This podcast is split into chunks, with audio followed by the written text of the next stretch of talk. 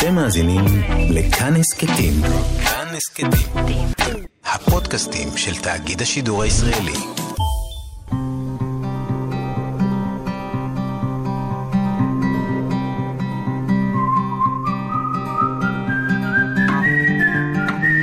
אחת פלוס חמש. אורחים וספרים עם ענת שרון בלייס. רגע, אני לא מבין איך עושים טיסה פה. אה, אני יודע. מאזינות ומאזיני כאן תרבות, אנחנו שמים אתכם על מצב טיסה. לכבוד התוכנית השבועית 1 פלוס 5. היום אנחנו במצב טיסה. לגמרי. המשורר והסופר יונתן ברג פה איתי באולפן, יש לו ספר שירה חדש, ובינתיים הוא מחפש את מצב הטיסה בסלולרי, כדי שאף אחד לא יתקשר ויזמין אותו לטוס או לטיול או משהו במהלך השעה שאנחנו פה.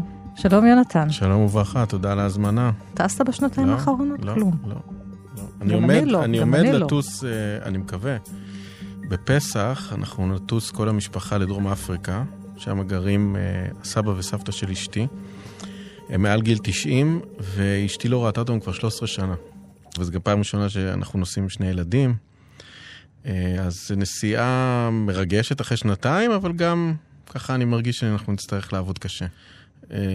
כן, מסעות זה, אולי זה חלק ממה שנדבר עליו, מסעות זה דבר שמצריך הרבה מאוד כוח. הגמול הוא גדול מאוד במסעות, אבל הם גם, אה, הייתי אומר שהם הם מין fast forward לחיים, זאת אומרת, אתה חי הרבה מאוד במסעות, הרבה הרבה יותר אינטנסיבי מהיום-יום והשגרה, אבל אתה משלם על זה.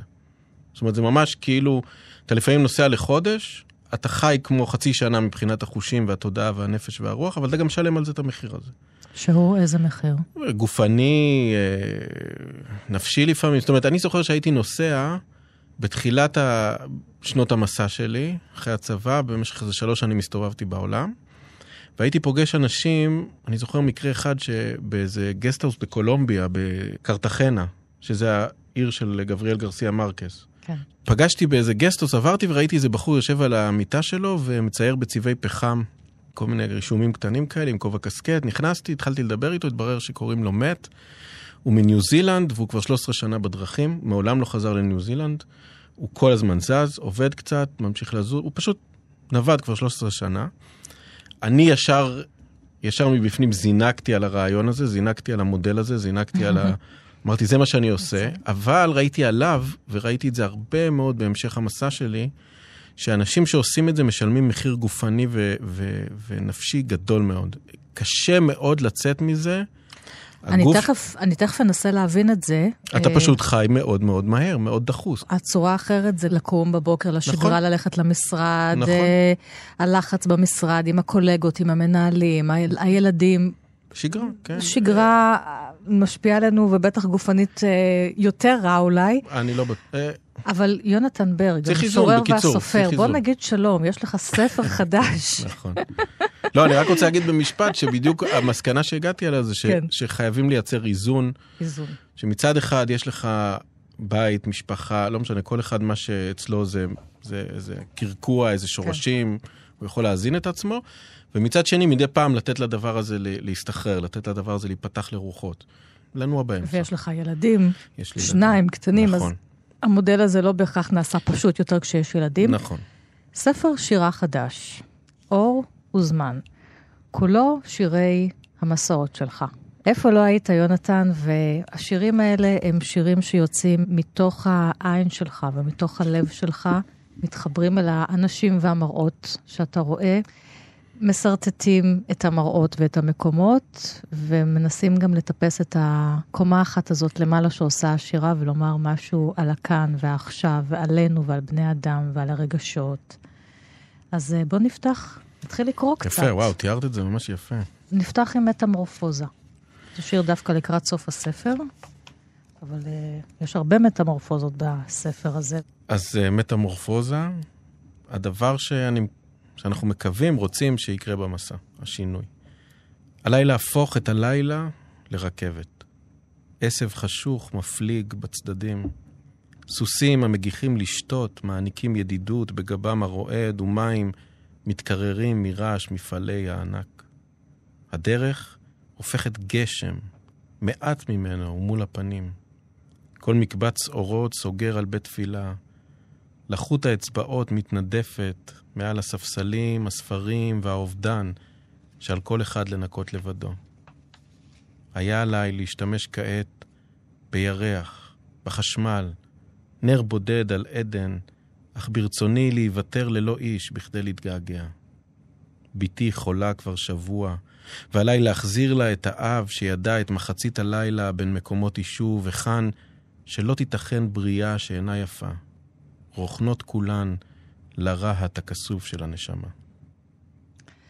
תחשבו שארזנו איזשהו תרמיל וירטואלי, תיקח את הנערה או הבחורה אחרי צבא שחסכה כסף כדי שתוכל לנסוע לאיזה חודש לאירופה הקלאסית. וואו, דווקא אירופה הקלאסית. ותספר לי איך לך היו חלומות אחרים. כי יש פה אתיופיה וארצות הברית והודו ואירופה גם, איטליה וקמבודיה וארגנטינה ובורמה וברזיל, אוקראינה. אנחנו מקליטים את התוכנית הזאת, כן. ויש מלחמה באוקראינה. אוקראינה כמה פעמים, אנחנו באים משם, המשפחה ו- מאודסה. קודם כל, לנערה הזאת הייתי ממש לא, לא ממליץ על אירופה הקלאסית. זה דבר ראשון.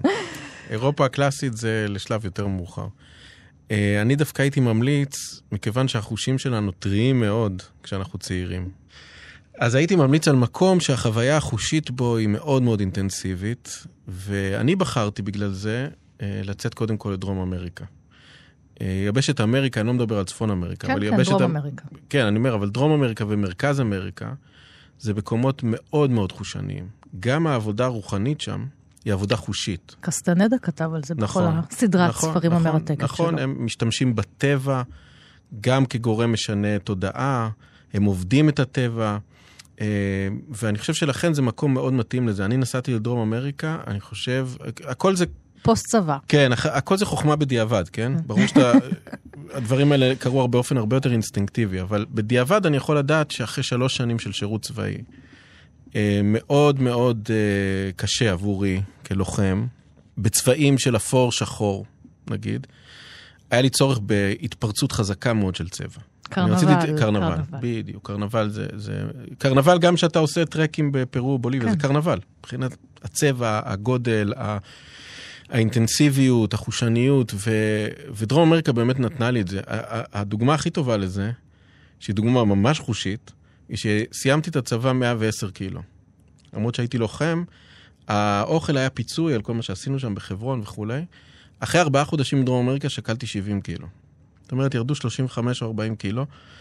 אין לי דוגמה יותר מובהקת לכמה הגוף הוא כאילו בקע מתוך איזה משהו. ואחרי המסע הזה שהיה בערך שנה, ושהמצב החושי שלי כבר נרגע, הוא ספג, הוא, הוא, הוא כבר מילא את המצברים שלו, אז ידעתי שאני צריך לנסוע למקום שתמיד ישב אה, מגיל תיכון, מגיל הנעורים, מגיל 16 בסיני, ישב אצלי ב- בתודעה או מאחורי התודעה או איפשהו בתור מקום שבו אה, אני הולך לעבור שינוי רציני ומקום שבו אני הולך לקבל חלקים מתוכי או חלקים שאני זקוק להם שאני לא אקבל בשום מקום אחר וזה הודו. ונסעתי להודו וביליתי שם אה, הרבה מאוד זמן, כמעט שנתיים. החיים, הילדות בפסגות, בהתנחלות, בבית אה, דתי, דתי-לאומי, ואחר כך השירות הצבאי הקשה שאתה עושה. ואז אתה מפרק את הכל. אתה מפרק באמת את המסגרות הכל כך נוקשות האלה שגדלת, ועשית את מעשיך בתוכן. זה כאילו שאתה מנפץ את עצמך, אני רוצה לנפץ את יונתן ולבנות את עצמי מחדש. ממש ככה, ממש ככה. בלי שההורים שלי יגידו לי איך, ובלי שהצבא יגיד לי איך, ובלי שהמדינה תגיד לי איך. ממש ככה, זה, זה מין אה, אה, הולדת האינדיבידואל בצורה הכי מובהקת. זאת אומרת, לפני כן כיסו עליי הרבה מאוד דברים, בין אם זה המערך האידיאולוגי של ההתנחלויות, ובין אם זה המערכת הדתית, ההלכה, המצוות, בין אם זה המערכת החברתית, צבאית נקרא לה. זאת אומרת, היו הרבה מאוד מערכות שפעלו עליי בעוצמה, וכמו שאת אומרת, זה היה רגע של אני. אני רוצה להבין מי זה, מה הוא רוצה, ממה הוא מורכב, מה עושה לו טוב. ברחת להרבה זמן ורחוק, נכון. זה מה שאני אומרת. אני לא- אומרת, אני בר- הסתפקתי בטיול של חודש, אתה ממש, באמת, כן, אני, אני חושב שכל מישראל אחד... להרבה מאוד, למסע מאוד ארוך. כן, אני חושב שכל אחד מה שהוא זקוק. אני לא חושב שזה, שיש תפריט uh, ברור. זאת אומרת, אנחנו בנויים אחרת, עוברים דברים אחרים, הנפש בנויה אחרת, כל אחד זקוק לאינטנסיביות אחרת. אני אישית הייתי צריך להישאר הרבה מאוד זמן. בתוך. הספר שלך, בתוך השירים שכמו שאמרתי, מתארים את המקומות, את הפקים הקטנים, ואת האנשים, ואת הרגשות שלך, ואת התובנות. לצד האור והיופי, אור, כי גם האור נמצא בשם הספר שלך, גם חשוב לך, ואני אשתמש פה במילים של אה, ולטר בנימין, לכתוב את ההברשה הזאת של ההיסטוריה נגד כיוון הפרבר. מהמם. אתה לא בא ואומר, וואו, איזה יופי הכפר הזה, וואו, איזה יופי ההר הזה. אתה גם מכניס פנימה את ההיסטוריה. את ההיסטוריה של המלחמות, ושל דיכוי, ושל השמדות, אה, של אה, שבטים, עמים, קבוצות אתניות, זה מחלחל בתוך האור והזמן שלך. כן, אני לא, אני לא מאלה שחושבים, אני חושב שהמילה שפע, שהיא בעיניי המילה שמגדירה את הספר הזה, היא לא מילה שמכילה בתוכה רק את הסימן פלוס החשמלי, היא מכילה בתוכה גם את המינוס. זאת אומרת, כשאתה חושב על שפע בעולם, אה, אני חושב שזה אה, מעשה לא נכון לייצר פילטרים שלתוכם נכנסים רק הדברים השמחים, או המוצדקים, או הטובים. השפע מורכב מהכל. הוא מורכב מהפנים השמחות שלנו והפנים העצובות שלנו, הוא מורכב מגיא ההריגה והנופים ה- המרהיבים ביותר, הוא מורכב מהקרנבל בברזיל ומביקור בפוטוסי במכרות ה... מכרות הכסף שבהם... אני, אני מדברת שוב, זה לא רק ההיסטוריה, זה גם ההווה, גם נכון, בכל רגע נכון. ורגע נתון שאתה מטייל, אתה נכון, מטייל. אבל אני באמת תופס... אתה, אתה מולך ילדים עובדים, נכון, נכון. עוול מאוד נכון. גדול, תלוי באיזה, ש- באיזו מדינה ובאיזו נכון, תרבות. אני חושב שאם אתה רוצה לתאר את, את, את העולם הזה ואת הקיום הזה באופן כנה ואותנטי ו, ומלא, אתה צריך להכניס בפנים את כל התערובת הזאת של רע וטוב, אה, של פלוס ומינוס, כי רק הדבר הזה כולו ביחד מייצר עבורי את החוויה שנקראת לעמוד המום מול העולם. להבין שהדבר הזה הוא עצום, מרובה פנים, שבילים, אפיקים, אה, תרבויות, דתות, מלבושים, שפות, מנהגים. צריך לעמוד בלי שיפוט מול הדבר הזה, אלא להגיד אמן. זה, זה מה שהספר הזה מנסה לעשות. הוא, הוא, הוא אומר עוד ועוד ועוד ועוד ועוד, עד שהשפע הזה הוא פשוט...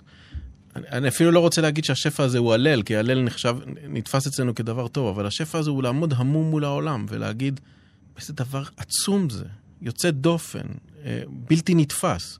והוא בלתי נתפס במה שקורה עכשיו אה, באוקראינה. באוקראינה ובאירופה. בלתי נתפס ברצחנות שבו זה ובאלימות. מהדהד פה איזה שיר ש... נכון, זה שיר... ששמו אה, נבל. ושיר שבדיוק אה, יש בו משפט, אה, טוב, תכף. אבל אותו. השיר הזה הוא שיר שמתאר אה, מסע שורשים באודסה. אבא שלי מגיע מאודסה, הוא נולד ב-42, עלה לארץ ב-79. פה אנחנו אה, נסענו איתו ביחד לאודסה לטיול שורשים. אנחנו צועדים אחריו מבולבלים. מכאן הגעת? נשים במטפחת מוכרות תפוחים ספורים.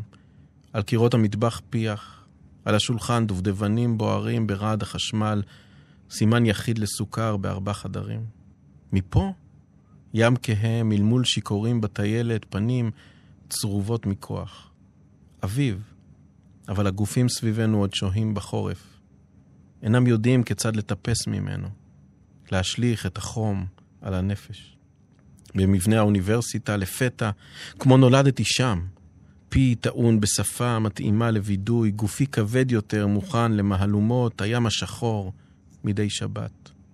כל זה כדי להיכנס אליך, אתה שצועד וצועד ואינך מצליח להגיע. אבי, שנעצר היכן שהייתה הגינה, פה. פה הם שרו עם הסתלקות השמש, מגנים על הילד. איני מכיר את השפה, איני יכול לשיר. לא למדנו לגעת, מפחדים ממה שיתגלה. נותרו בגן מעט עשבים, ועץ פרי בודד הקרב למותו. שאבי יזכה לאריכות ימים ושנים. תגיד, יונתן, מתי אתה כותב את השירים האלה? אני כי, תמיד... כי גם בספרים קודמים שלך היו שירים על מסעות נכון, ועל הטיולים. נכון. אני אה, קודם כל כותב תמיד שאני... זאת אומרת, כל השירים נכתבו בדיעבד, לא בזמן המסע, אבל יותר חשוב, הספרים האלה בנויים על פי תמה, על פי נושא. זאת אומרת, אמרתי, אני פותח את המעבדה שלי, מעבדת השירה, ואני במשך תקופה מכניס אליה נושא. אני לא מכניס אליה את מה שחוויתי אתמול או שלשום, או אני חושב עליו הבוקר בגלל מראות החיים. אלא אני מפנה לזה עורף, ואני מחליט על נושא. בספר הקודם, היסטוריה, זה היה הציוויליזציה היהודית, והספר ניסה לסכם, אם אפשר להגיד דבר כזה, מגיבורי התנ"ך, דרך אה, הרמב"ם ועד אה, גולדה מאיר, אלן גינסברג ורודקו. והספר הזה ניסה לעשות את זה עם מסע. זאת אומרת, אמרתי, אני לוקח על עצמי עכשיו, אני פותח את המעבדה, אני מכין את המבחנות, ואני הולך לטפל בנושא המסע, דרך החוויה האישית שלי, ובמשך חצי שנה או שנה, אני לא זוכר כמה זמן, פשוט טיפלתי כל הזמן בעניין המסע, קמתי, חשבתי על מקום אחר מקום, ניסיתי להציף את הזיכרונות, להציף את הידע. להציף את החוויה שעברה שם, להבין את המערכים הדתיים, החברתיים, וכל פעם ניגשתי וכתבתי שיר. זה קצת מזכיר עבודה של סופר. נכון. ולא סתם אני אומרת, כי אתה סופר. אבל זה מזכיר עבודה של סופר, אבל לא, מכיוון שכשאתה כותב פרוזה, אתה כל הזמן נמצא, אתה באמת נמצא בבניין, ואתה כל הזמן בונה חלקים קטנים ממנו, נכון? כן. כמו שאנחנו רואים בניינים נבנים, הברזל, ה... פה מדובר על לבנות בניינים קטנים, יום אחרי יום. אבל את צודקת שזה... בקתות קש. אה, כן, אתה מגיע לאתר הבנייה, אוקיי? כן. אתה מגיע לאתר הבנייה ואתה כל יום בונה בניין במקום לעבוד על איזה רב קומות. לקחת נושא ולפרק אותו ולבנות אותו מחדש מכל הכיוונים במילים שלך, היא באמת כן. סוג אחר כן, של אני כתיבה. חושב, אני, אני חושב שכשאתה עושה את המעשה הזה, אתה לא כפוף לחוויות הרגשיות המיידיות שלך, כן? כי בכתיבת שירה, שהיא אינסטינקט מול המציאות, אתה כפוף לחוויות הרגשיות שלך. כן. אתה אה, מתקשה מאוד להתרחק מ, מ, יודעת, ממה שפועל עליך ברגע. בעוד שאתה עושה את, את הדברים האלה, אתה הרבה פעמים מצליח להתבונן במבט נקי יותר, בהיר יותר, עם פרספקטיבה, עם כל מיני אמצעים שעוזרים לך, וכמו שאתה אומר, בפרוזה הם מאוד מאוד טבעיים. בשירה הרבה פעמים הם נהדרים, אבל אני חושב שזה ניסוי שאתה מגייס לשירה נקודות מבט שקשה מאוד לגייס ב, ב, בכתיבה בכתיבה רגילה. הרגילה, שהיא לפעמים כן. צומחת כמו איזשהו יומן, ואחר כך אנחנו בדיוק. צריכים להפוך את היומניות הזאת לשירה. בדיוק.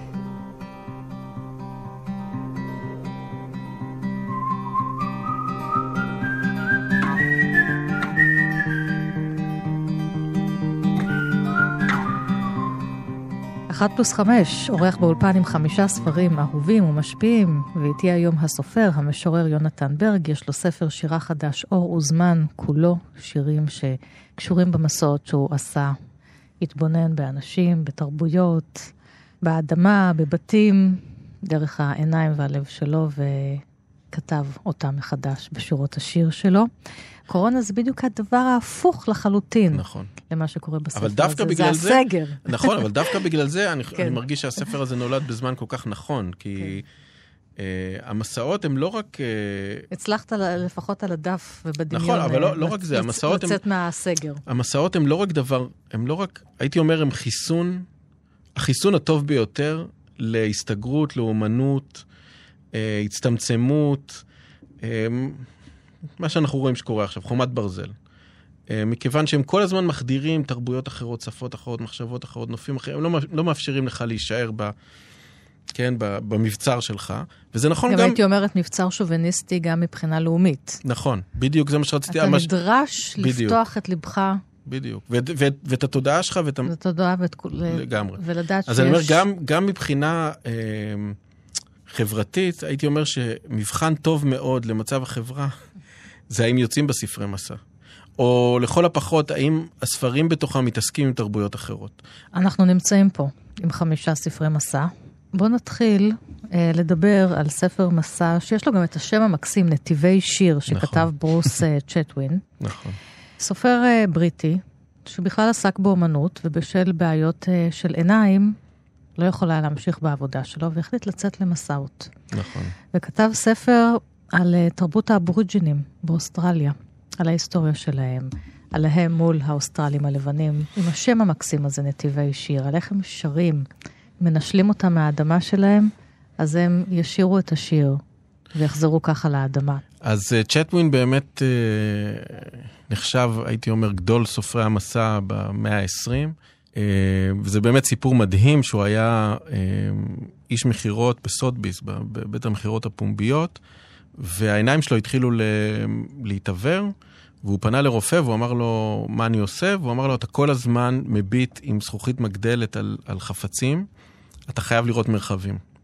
וההוראה הזאת של הרופא אה, אה, הצמיחה לנו את אחד מסופרי המסע הגדולים. הספר הגדול שלו זה באמת נתיבי שיר. מ-1987. ו... כן, ויש לו גם את בפטגוניה, שגם תורגם לעברית וגם ספר מצוין, אבל נתיבי שיר זה, זה ולא רק נתיבי שיר, אלא האמצע של נתיבי שיר. זאת אומרת, אה, הוא באמת נמצא עם האובריג'ינים במשך שנה, חודר לתוך השמורות שלהם, אה, מנסה, כמו שאת אומרת, להבין את המערכת התיאולוגית שלהם, שהיא מאוד מורכבת, אה, יש להם לוחות שיר, והם מאמינים שהאבות הקדמוניים בראו את העולם בשיר, ולכן אה, הוא טוען שהם יכולים ללכת מצד אחד של אוסטרליה לצד השני דרך חזרה על שורות שיר, מכיוון שיש להם מפה טופוגרפית שעשויה משירים. Mm-hmm.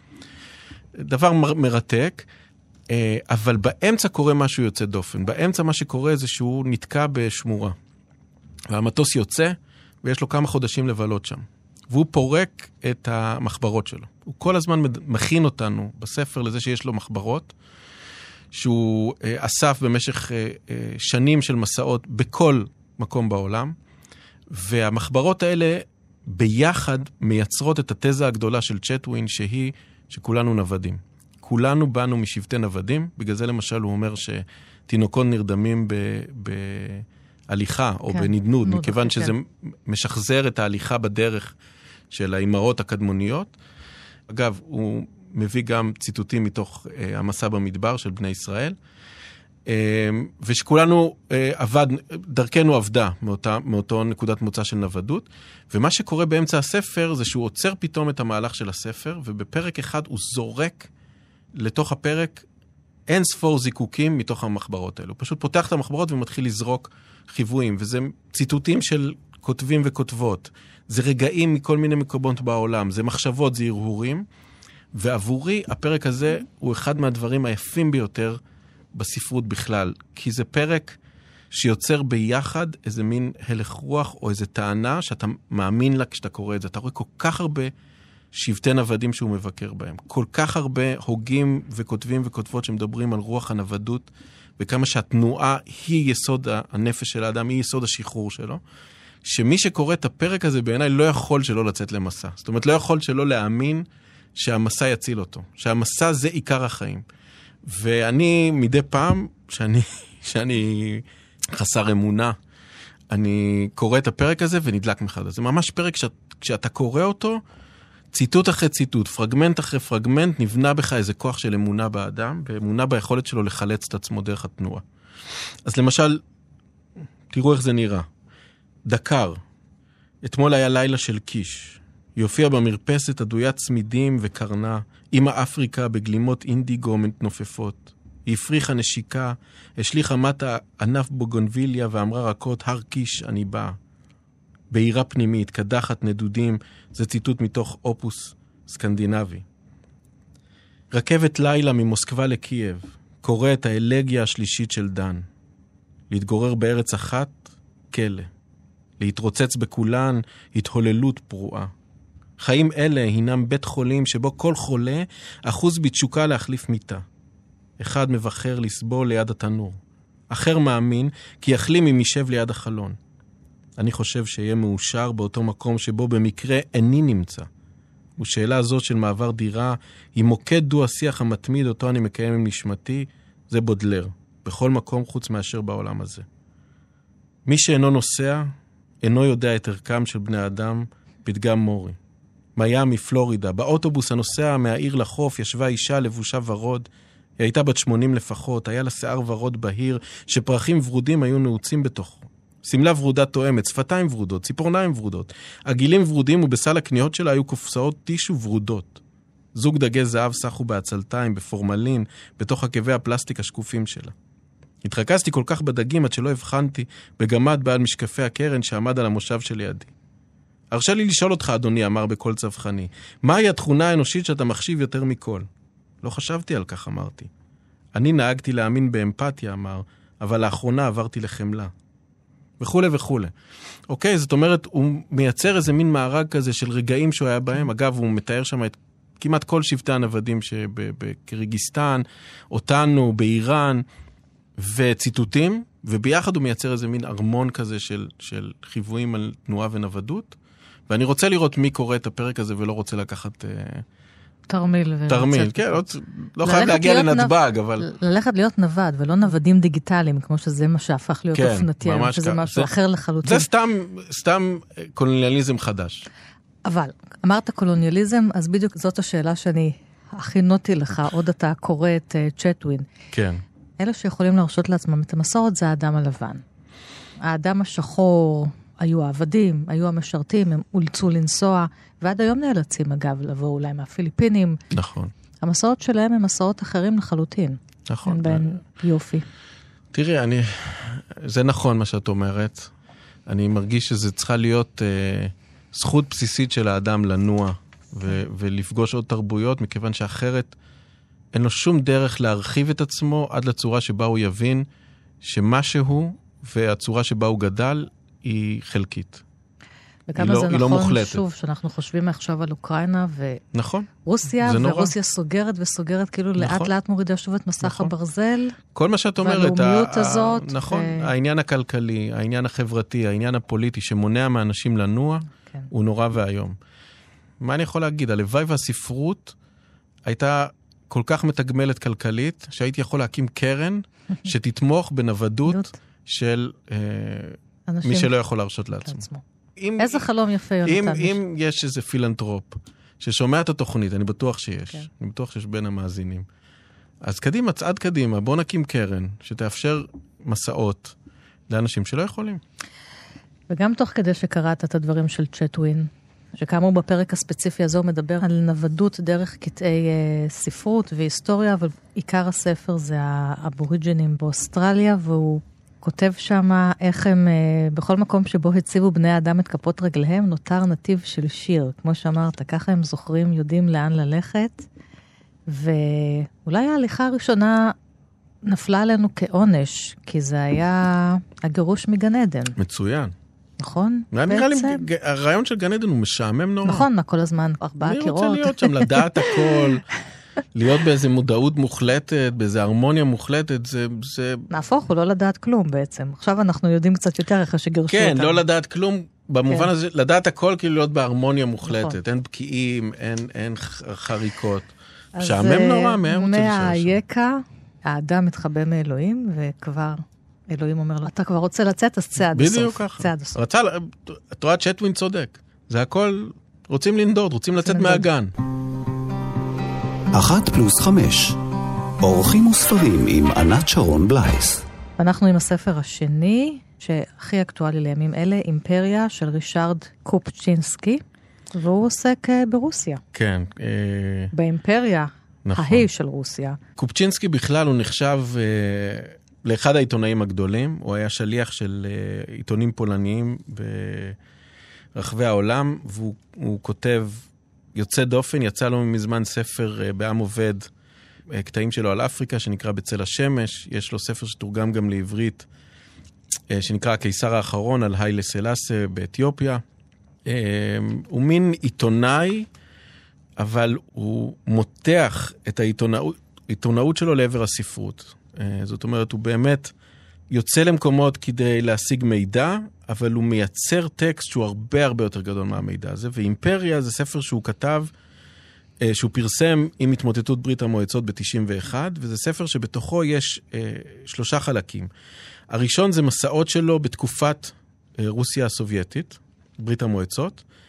השני זה מסע שלו אה, עם ההתפרקות שלה, זאת אומרת, הוא ממש עובר בכל המדינות השונות, והוא מייצר איזה מין רשמים שחותכים את ברית המועצות, ומנסים לתאר את, ה, את הדבר הזה, את האימפריה שמתפרקת. ממש רעידת כן, אדמה. יש שם האימפריה. המון עמים וזהויות אתניות ומרחבים... ש- בלי סוף, בלי סוף, שפשוט בכוח. לכדו אותם, כן. תרתי משמע בכוח, כאילו אתם אומה אחת. כן. והקריאה בספר הזה היא מאוד מאוד מאוד מתגמלת בימים האלה שאנחנו עוברים, כי זה להבין כמה מורכב ומסובך האזור הזה, כמה מורכב מה שקרה שם מבחינת שיטת המשטר, וכמו שאת אומרת, מה שהם ניסו לעשות.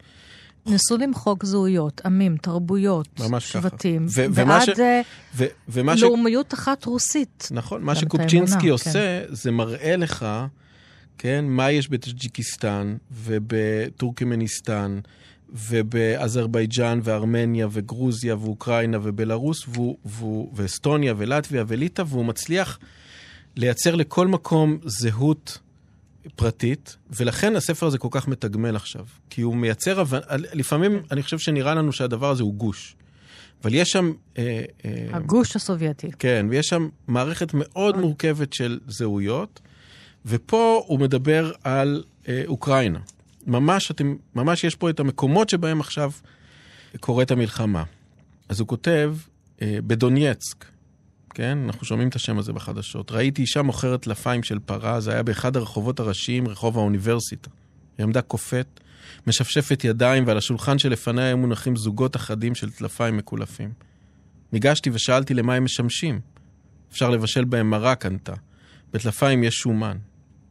הפרופסור לכלכלה, גלינה גובריינדה, סיפרה לי איך נראית חלוקת ההכנסות של מפעל או מכרה בדונייצק. 54% לוקחת מוסקבה, 30% לוקחת קייב, 11% לוקחים שלטונות דונייצק, 5% נשארים למפעל. שאלתי נערה שעמדה בתחנה איך להגיע אל תחנת הרכבת. אני אראה לך יציאה. למרות שהיינו במרכז העיר, בוססנו בבוץ עד הקרסוליים. דונייצק הוא מרכז חבל הפחם של אוקראינה. ברובעים מסוימים הערימות של פסולת הפחם מונחות ממש ברחוב. האבק השחור שוקע בקירות הבתים ובחזיתות הבלוקים האחידים הנמשכים לאורך קילומטרים. הוא יוצר רצועות כהות, כתמים אפורים, סימני דליפה חומים בגון החלודה. דונייצק מוצאת חן בעיניך? שאלה הנערה בחוסר ביטחון. אנשים רגישים לעניינים כאלה והם חשים לא בנוח כשאומרים להם משהו ביקורתי. התחלתי לחפש בקדחתנות ובדחיפות את הצדדים החיוביים של העיר, אבל ככל הנראה לא הייתה כנות בקולי. כי כשהשתתקתי, ענתה הנערה בנחישות, ואפילו בקשיחות. אבל בקיץ, לעומת זאת, פורחות בעיר שלנו שושנים. מיליון שושנים. אתה יכול לתאר לעצמך מיליון שושנים. ואז הוא נוסע לאודסה, שגם אנחנו שומעים אותה אה, הרבה זה בחדשות. זה הצד השני. אה, אבל הוא, הוא ממשיך, למשל, יש את הקטע הזה שבו הספרות נכנסת פתאום, ומי שלא מכיר את זה צריך אחרי זה לרוץ לקרוא. הפעם אינני עוצר באודסה, המוארת כרגע בשמש אחר צהריים חמימה של ראשית האביב. כי בשביל מה? כדי למצוא את המקומות שאהב איזק באבל? כדי לחשוב איך הוא הולך אל הוצאתו להורג בלי משקפיים, ואינו רואה את מות עצמו? ופה הוא מכניס לנו כמובן את, אה, את איזק באבל וסיפורי אודסה שלו על בן יקריק, המלך היהודי של מולדובנקה. זה הייצוג הראשון כנראה בספרות של אה, איש עולם תחתון ששולט באיזשהו אזור והוא יהודי. זה סיפורי אודסה של אה, באבל, שהם סיפורים נהדרים. גם הם, סיפורי הם... אודסה וגם הסיפורים האוקראינים שלו. נכון. ואיזק באבל היה, עשה מסעות כעיתונאי. נכון. שהצטרף נכון, למסעות, ואחר כך הפך את זה לסיפורים. נכון, ומותו נגרם בגלל כן. אותו גוש שדיברנו עליו, אה, הוא הוצא להורג בטיהורים של... אה, סטלין. כן. אז אימפריה. אני אומר, לקרוא את אימפריה זה, זה ממש הרגע עכשיו לקרוא את אימפריה. אין כמו ריצ'רד קופצ'ינסקי כדי להסביר לנו מה זה האזור הזה. איפה ראה אור הספר? בקיבוץ המאוחד. אני לא יודע איפה אפשר להשיג אותו, כי הוא ספר ישן מאוד. תחפשו אותו אה, בחנויות היד השנייה, יצא ב-93. סוג הספרים שגם צריך להמשיך להדפיס אותם. נכון.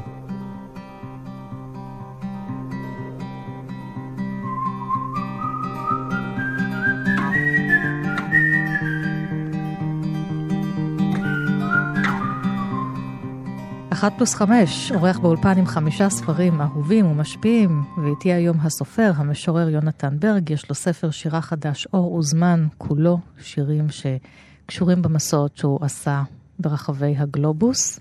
יונתן, מה עכשיו אנחנו נלך לסיציליה? אה, כן, אפשר ללכת לקיטון האבן. קיטון האבן. אני הבאתי את הספר הזה לא רק בגלל הספר, שהוא ממש ספר נהדר, אלא גם כדי, איך אומרים בימינו, להרים להרים למשה גלעד, שהוא אה, בעיניי האחראי המרכזי לספרות המסע בעשורים האחרונים בעברית. אה, בין אם במסע אחר, בין אם בסדרה שלו עולמות בעם עובד, הוא כנראה אחראי על, אה, בוא נגיד, אחוזים גדולים כן. של ספרות המסע. והסדרה שלו בעם עובד היא סדרה נהדרת, עולמות, יש שם המון המון ספרים נהדרים, וקיטון האבן הוא אחד מהם, זה ספר של אה, סופרת בשם טרג'ה מג'ו, היא אמריקאית, שחיה בניו יורק, אבל השורשים שלה מסיציליה. והיא, אה, מייצגת איזושהי ספרות מסע, שהיא ז'אנר בפני עצמו בתוך הספרות מסע של אה, שיבה הביתה. זאת אומרת, אה, חזרה לאיזשהו, לאיזושהי מולדת אה, אה, ישנה, אה, וחיפוש אחר זהות, זאת אומרת, מסע שהוא חיפוש אחר הזהות הקדומה שלך, או הזהות המשפחתית שלך, או... ופה היא נוסעת לסיציליה, וזה ספר מקסים, היא נעה שם מכפר לכפר, היא מחלצת החוצה את המנהגים. את הצורה שבה מתנהלים במקום. הרבה מאוד נשיות יש בספר הזה, היא כל הזמן פוגשת נשים מבוגרות שמספרות לה על הימים הקודמים ועל סיציליה שלפני הקדמה וסיציליה שלפני החדירה של כוחות קפיטליסטיים או מערביים וכולי. ויש לה גם אה, נצרות מאוד מעניינת, כי אני חושב שאחד הדברים הכי מעניינים בספרות מסע, זה, עבורי לפחות, ואני חושב שגם זה עבורה, הד... זה הדתות. הדתות זה, זה מין... מאגר אה, מאוד משמעותי של אה, אומנות, תפיסת עולם, מנהגים, ריטואלים, ליטורגיה. זה פשוט תמיד מרתק. זה איך מרתק. אנשים אחרים מאמינים. מאמינים ו- ומבטאים את זה מבחינה ומבטאים, חיצונית. נכון. והיא, אה, חלק גדול מהספר זה מסע שם על איזה נצרות מאוד מאוד... הנצרות יש לה איזו תכונה כזאת שהיא מוהלת פנימה תרבויות מקומיות ומייצרת כל פעם נצרות אחרת. זאת אומרת, אני זוכר שהלכתי ב... בפרו, באווארז, באיזה מקום, וראיתי תהלוכה דתית שהייתה חצייה נוצרית וחצייה היה ברור שמסתובבים שם אלים מקומיים שמתנהלים בתוך התהלוכה הזאת באופן טבעי לגמרי, וככה נכון אם אתה הולך ב... במנהטן, לא יצא לי לעשות את זה באפריקה עצמה, אבל אתה הולך במנהטן, ב... בהרלם ביום כן. ראשון, אתה נכנס לכנסיות הבפטיסטיות, אז ברור לך שמדובר במעילה של מערכי אמונה והתנהגויות מאפריקה, אז תראו איזה יופי היא כותבת. תיאור נוף, למשל, נהדר. מתחת לסוללות החרבות של המבצר היווני, היו פני המצוק צבועים גוון חום שרוף. חזזית חומה התפשטה על פני קירות הכפר השחורים. הלבה הבהיקה. טיפות גשם נשרו מן הגפנים השחורות העשויות ברזל מרוקע שהשתרגו מעל דלת העץ שבסככת הכרכרות הבנויה אבן. במשקופי אבן הלבה גולפו אשכולות ענבים, מסכות מפחידות וצמחי ורד בר מסוגננים. האוטובוס עצר בפיאצה סמרטינו. עשרים גמלאים במעילים כחולים כהים זהים וצעיפים הכרוכים פעמיים סביב הצוואר, עקבו אחריי בלכתי לבר טריפיליטי. הזמנתי ספל תה חם. הזקנה שמאחורי הדלפק לא הצליחה להפעיל את המכשיר המהביל, לכן שיניתי את הזמנתי ובחרתי בכוס אמרטו. היא מזגה לי ארבע אצבעות וסיפרה לי על אישה אחת בפינת הרחוב שאולי יש לה חדרים להשכיר.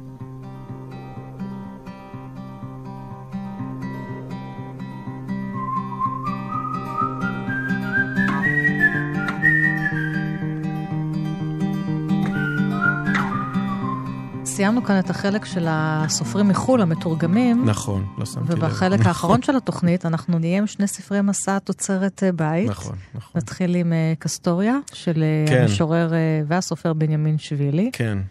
הבאתי באיזשהו אופן את, את שני הסופרים שמדגימים את ה... הצדדים המנוגדים של ספרות המסע, וביניהם נמתחת ספרות המסע. בנימין שבילי קסטוריה, ואחר כך אה, דרך דרך המשי של צור שיזף. נכון, אז בני שבילי, שהוא משורר נהדר וסופר נהדר, ספרות המסע שלו היא ספרות מאוד מאוד דתית, כן. אמ, והיא עסוקה בטרנספורמציה הפנימית שעובר הנוסע בזמן המסע. הוא עסוק בעצמו, ובמובן הזה, החוץ, קרי הנסיעה ביוון, באיטליה, ביוגוסלביה לשעבר, בטורקיה, לא משנה איפה זה, היא אה, מזון. או אפשרות לייצר טרנספורמציה פנימית, כן? כי הוא בא מהחסידות גם, נכון, מהבעל שם טוב, נכון. מברסלב, דברים שהוא כותב עליהם, נכון. גם בספר שלו, ספריית הלב. נכון. אז זה השורש נכון, של המסע שלו. נכון, אבל זה גם שורש הנשמה שלו. זאת אומרת, כן. העניין שלו בעולם זה איך הוא מייצר כל הזמן או מכניס את עצמו לסיטואציות שייצרו אצלו תגובה רוחנית פנימית. איך הוא מתעלה, איך הוא, איך הוא אה, מתוודה, איך הוא פונה לעבר הרקיע, איך הוא משתנה בפנים. ו, המחיר ו... יקר, הוא כותב בקסטוריה. נכנסתי ליער של סכנות, עזבתי את ביתי ומשפחתי, נסעתי לכתוב מה שליבי כותב. כן, זה בדיוק זה. זה לנתק את עצמך כדי לעבור איזשהו תהליך פנימי רוחני. ואם אתה בחסידות, אתה צריך יער. חייב. כן, אני חושב שכל מקום טוב לזה, אבל נכון, יער כן. זה ההתבודדות. נכון. אז הוא כותב למשל ככה: חם, אמצע היום, ברקע מוזיקה יוונית שקטה. בחוץ, מבעד לזכוכית המאובקת, עוברים ושבים וקולות עמומים של אופנועים. אובך באוויר. עננים גבוהים עומדים משותקים, היום נוסע דקה ועוד דקה אל האינסוף. כדי לומר לו שהחן והכיור שביומיומיות הם קדושה. בתחנת האוטובוסים בינינה, כמו במחרוזת, חרוז אחר חרוז, אני מסיים מעגל ופותח מעגל חדש. ואז אני מדלג קצת, תראו מי מופיע מולו. הוא הופיע לפתע, הופיע לפניי היהודי. הוא הופיע לפתע ממש לפני שחיביתי את האור, שהוא הולך לישון. היהודי היה לבוש בשמלה לבנה, ועל ראשו הייתה מונחת מצנפת של איש דת מוסלמי. פניו היו עגולות וזוהרות, וזקן אפור ומלא כיסה את רוב פניו. עיניו היו כמו שתי אבני חן ענקיות, וחוכמה וטוב לב נשקפו מהן. הוא הביט בי ועמד ללא ניע. ידעתי שזהו שבתאי צבי, הוא פתח את פיו ואמר לי, גם אני הייתי כאן. אוקיי? זאת אומרת, פתאום לתוך... התגלות, התגלות. התגלות, בדיוק ככה. ו- ומה שבני עושה, הוא נוסע ומחפש את זה. כן. הוא מנסה להכניס את עצמו לסיטואציות, כמו שאת אומרת, שתגיע התגלות, דבקות, אה, גם ייסורים, גם עצב, גם גדרות, גם איזה, איזה, איזה, איזה תחושה של רדיפה, אבל כל זה כדי שהפנים שלו יעבוד. לעומת זאת, צור בספרים שלו, והוא... צור שיזף. צור שיזף, הוא נמצא בדיוק בקוטב האחר, וצור מעניין אותו החוץ. לא הפנים. הוא לא מתעסק בצור הנוסע, הוא לא מתעסק במה הוא עובר, ואיזה טרנספורמציה פנימית, או רוחנית, או תודעתית. צור מאוד מאוד עסוק בחוץ, ובמובן הרחב של המילה. הוא אדם מלא בידע, סקרן באופן קיצוני, שכל הזמן מחפש איך פועלות המערכות הגדולות שסביבו. הוא רוצה להבין את הפוליטיקה במקום שהוא נוסע, הוא רוצה להבין את הסוציולוגיה, איך החברה בנויה, מעמדות, פערים, הוא רוצה להבין את הכלכלה, מהם הסחורות, איך מתפרנסים. הוא רוצה להבין את, ה, את ההיסטוריה. הוא כל הזמן יכניס פנימה מה היה במקום הזה, מה עבר במקום הזה, מי עבר במקום הזה, איזה תרבויות השפיעו על המקום הזה, איך המקום הזה התעצב. והוא מאוד מאוד מתעניין, כמו שדיברנו לפני רגע, כל מקום ש... שיהיה בלאגן, צור ייסע. כי הוא מאוד מתעניין במה קורה ברגעי קיצון כאלה. מה עושה המלחמה, העימות, הרעב, הר הגעש, איך בני אדם משתנים, איך חברות משתנות, איך, איך הכלכלה משתנה, איך הפוליטיקה משתנה. הוא, הוא מגיע למקומות והוא מאוד מאוד עסוק בלתאר לנו את, ה, את השינויים הטקטוניים האלה אצל בני אדם, והוא מאוד מאוד טוב בזה. וכשאני אומר הוא מאוד מאוד טוב בזה, זה אומר שהוא אדם שקורא המון, אדם שיודע המון. זאת אומרת, הוא גם צריך להתכונן לצורך נכון. העניין. אתה לא רק יכול לבוא למקום ולהתחיל לספוג את הריחות המראות ולהבין את הדברים נכון. מהשטח והבתים במקום. אני מגיעה לשם כבר אחרי בדיוק שעשיתי ככה. איזשהו תחקיר, בדיוק הכנתי. את עצמי, קראתי, נכון. ואז אני מתחיל אה, ו- לתפור את הידע שלי לידע המקומי. בדיוק, ש... בדיוק. והוא אפילו מתאר שבספר הזה שאני קורא ממנו, שנקרא דרך המשי, שבו צור אה, שיזף נסע ממש אחרי נפילת ברית המועצות, ומנסה לעשות את דרך המשי הקדומה. הוא אומר, כמעט לא היה לי חומר, וישבתי בספרייה אה, בירושלים, אם אני לא טועה, וקראתי כל מה שיכולתי לשים עליו את ידי, כדי כדי. להבין לאן אני נוסע. מקום שבעצם היה סגור עד עכשיו. והוא פוגש שם אה, איזשהו נסיך גיאורגי, ואיתו הוא נוסע במשך תקופה, אז, אז הנה. ברזל מאוד זול בברית המועצות, למה לא? בנייה מכוערת, אמר זזה. זזה זה הנסיך הזה. עוקף משאית מעשנת, דלק רע. הכל פה רע. הכביש טיפס לתוך הערים, חוצה מעליות סקי ובית מלון מודרני. את זה בנה אוסטרי, אמר רמז. הוא בנה את מלון מתכית שבטביליסי ופה. הוא התחתן עם גיאורגית והחליט להשתק... להשתקע פה. העצים נעלמו ודשא כיסה את המדרונות. זזה עצר ליד מעיין. המים הגיחו צלולים וקרים, זורמים על הכביש, נעלמים במדרונות הירוקים. משאיות ואוטובוסים מיושנים עצרו בסיבוב המעיין, נשים כבדות, לבושות בגדים מבהיקים, מחאו גרביים וכפפות צבעוניות. מוסלמים, אמר רמז. אוסטים וצ'רקסים מהקווקז. הקווקז הפך מוסלמי עם הכיבוש הערבי. והצהרות עם האוסטים? הקג"ב, אמר זזה. האוסטים חצו את הקווקז דרומה לשטח שלנו אחרי המהפכה, והיום, בגלל הקג"ב, הם רוצים להתאחד עם אוסטיה הרוסית שמצפון לקווקז. הרוסים עושים הכל כדי לפגוע לנו בעצמאות. אנשים הביטו בחשדנות, ואנשים הלכו בין המכוניות והמעיין. דוכן לצליית קבב לצד הדרך. זזה שטף את הפנים וניגב בממחטה, הוא זינק בעלייה, מחליק על השוליים וממשיך הלאה, לכיוון המעבר. בצד הדרך, מעל העמק, נבנה מצפה נוף. זזה פנה ועצר, המצפה היה מזוהם בקליפות ובניירות. מסביב למתחם המצפה העצום צוירו ציורי קיר. הברית הנצחית בין ג'אורג'יה לרוסיה. זה להבריש את ההיסטוריה שדיברתי עליו בתחילת כן, השיחה צור שלנו. ממש ככה. מה שוולטר בנימין אמר, אתם רוצים כן. להכיר את המקום? תתחילו לקלף, להרים את כל הכיסויים. נכון, נכון, ו... וזה מה שצור עושה. אני אומר גם וגם, זאת אומרת, גם אני גם, וגם. ב, גם בטים בני, כן. גם ב, בחוויה הזאת של לעבור טרנספורמציה רוחנית, כן. להשיג חוויות רדיקליות מבחינה פנימית במסע, וגם בטים שיזף במובן כן. הזה של ללכת למקום ולהבין אותו. טוב. תרבות, היסטוריה, גיאולוגיה, פוליטיקה. להבין מקום זה, זה, זה להרחיב את הגבולות של עצמך ולחזור חזרה הביתה עם יכולת לראות גם את המקום שלך במובן הרבה יותר רחב ואלסטי. אנחנו נחתום את השיחה הזאת עם uh, שני דברים. עוד שיר שכתבת על צ'טווין ויחבר אותנו לספר הראשון שבחרת, וגם עם uh, שיר שאתה מבצע ביחד עם אהוד בנאי, נכון? שנתן לך פה ככה... כן. גם איש מסעות. גם איש מסעות נתן נכון. לך ליווי מוזיקלי לכמה מן השירים שכתבת בספר. לשמחתי. אז נתחיל עם באוויר, מתוך הספר אור וזמן. באוויר. בדרך לצרפת משוחחים על צ'טווין, נתיבי החלום של האובוריג'ינים, פניי עקומות מהתחכמות. עוד מעט יחלקו תג וכוסות יין. מילים על המצב, הסכסוך, מלחמת העולם השנייה, שמות של בתי הוצאה, כמות עותקים, שפות בתרגום. אני מתעורר ונרדם. האדמה קרבה. שרשרת הרים נופלת למים. המים ממשיכים הלאה בכוח, לא נראה. מחפשים יבשה. כמה זמן חיפשת? בבוקר, אחרי חלום, יד על הלחי. יהיה בסדר. תנועה איטית עד שקע הצוואר. המסעות מסתיימים בבית, גם הספר הזה הוא ספר שמתחיל רחוק, ומסתיים בירושלים. ומסתיים בירושלים, בבית. אז תודה רבה שבאת תודה לך. לכאן. יונתן לך. ברג, ספר השירה החדש שלך, אור וזמן ראה אור במקום לשירה. נכון. ואני חייב לציין, הוא ניתן להורדה בחינם. כל מי שרוצה את הספר, כותב אור וזמן או מקום לשירה, ייכנס לעמוד של הספר, יש שם קובץ להורדה. כמובן, אתם מוזמנים לקנות. עותק פיזי, אבל יש עותק להורדה בחינם, דיגיטלי. דיגיטלי, תשלחו למי שאתם רוצים, מסע, שגם הוא יעבור מסע. הספר יעבור מסע מלב אל לב של הקורות והקוראים. אמן, תודה אמן, אמן. שבאת לכאן, ואנחנו שומעים. אותך עם אהוד בנאי. אני ענת שרון בלייס, כל תוכניות אחת פלוס חמש תמיד זמינות לכם בעמוד ההסכתים של תאגיד השידור, ועוד פרטים בדף הפייסבוק של כאן תרבות. תודה לכם ולהתראות. תפילה.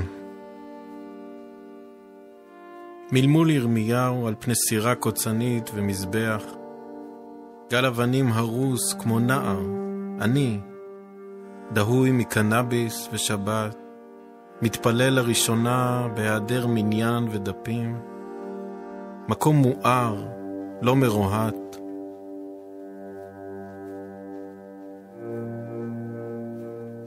ירדתי על ברכיים מול שיבה זעיר ממדים.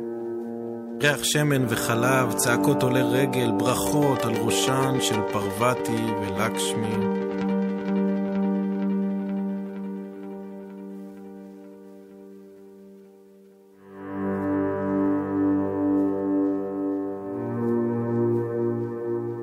אמהות שלקחו את ידי בכניסה לבית כנסת ברחוב העבודה.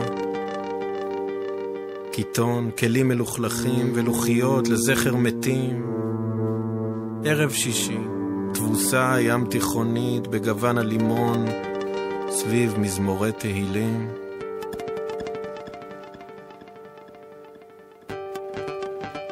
הללויה, פעמים רבות כל כך. בכנסייה קטנה במורד גבעת הזאבים באתונה, שם מאה נשים בשחור וכהנים רוחצים קירות מערה בהמנון. ואותה אחת מתחת למבצר בבלגרד, היכן שנרות גידלו פחם, הפכו אדמה נוצצת. נגני קוואלי מול קבר סופי, ערימות פרחים שוטפות שיש רג'סטני מבוסם. תו בודד לאורך לילה שלם, המהום מנטרות במדבר הגבוה לנזירים, כמעט ילדים, חוזרים בזה אחר זה על סוטרת היהלום. נוגעים בגלגלי תפילה, וקירות מנזר ממשיכים לאורך הבוקר, אינם מתייאשים.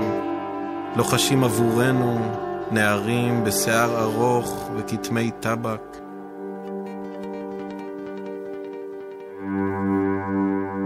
האם אצליח להתפלל עבור אחרים? לו יהיו המילים שלי סוכר, המזמורים שלי ברכות, בעבור אמי, אשתי, בתי, בני,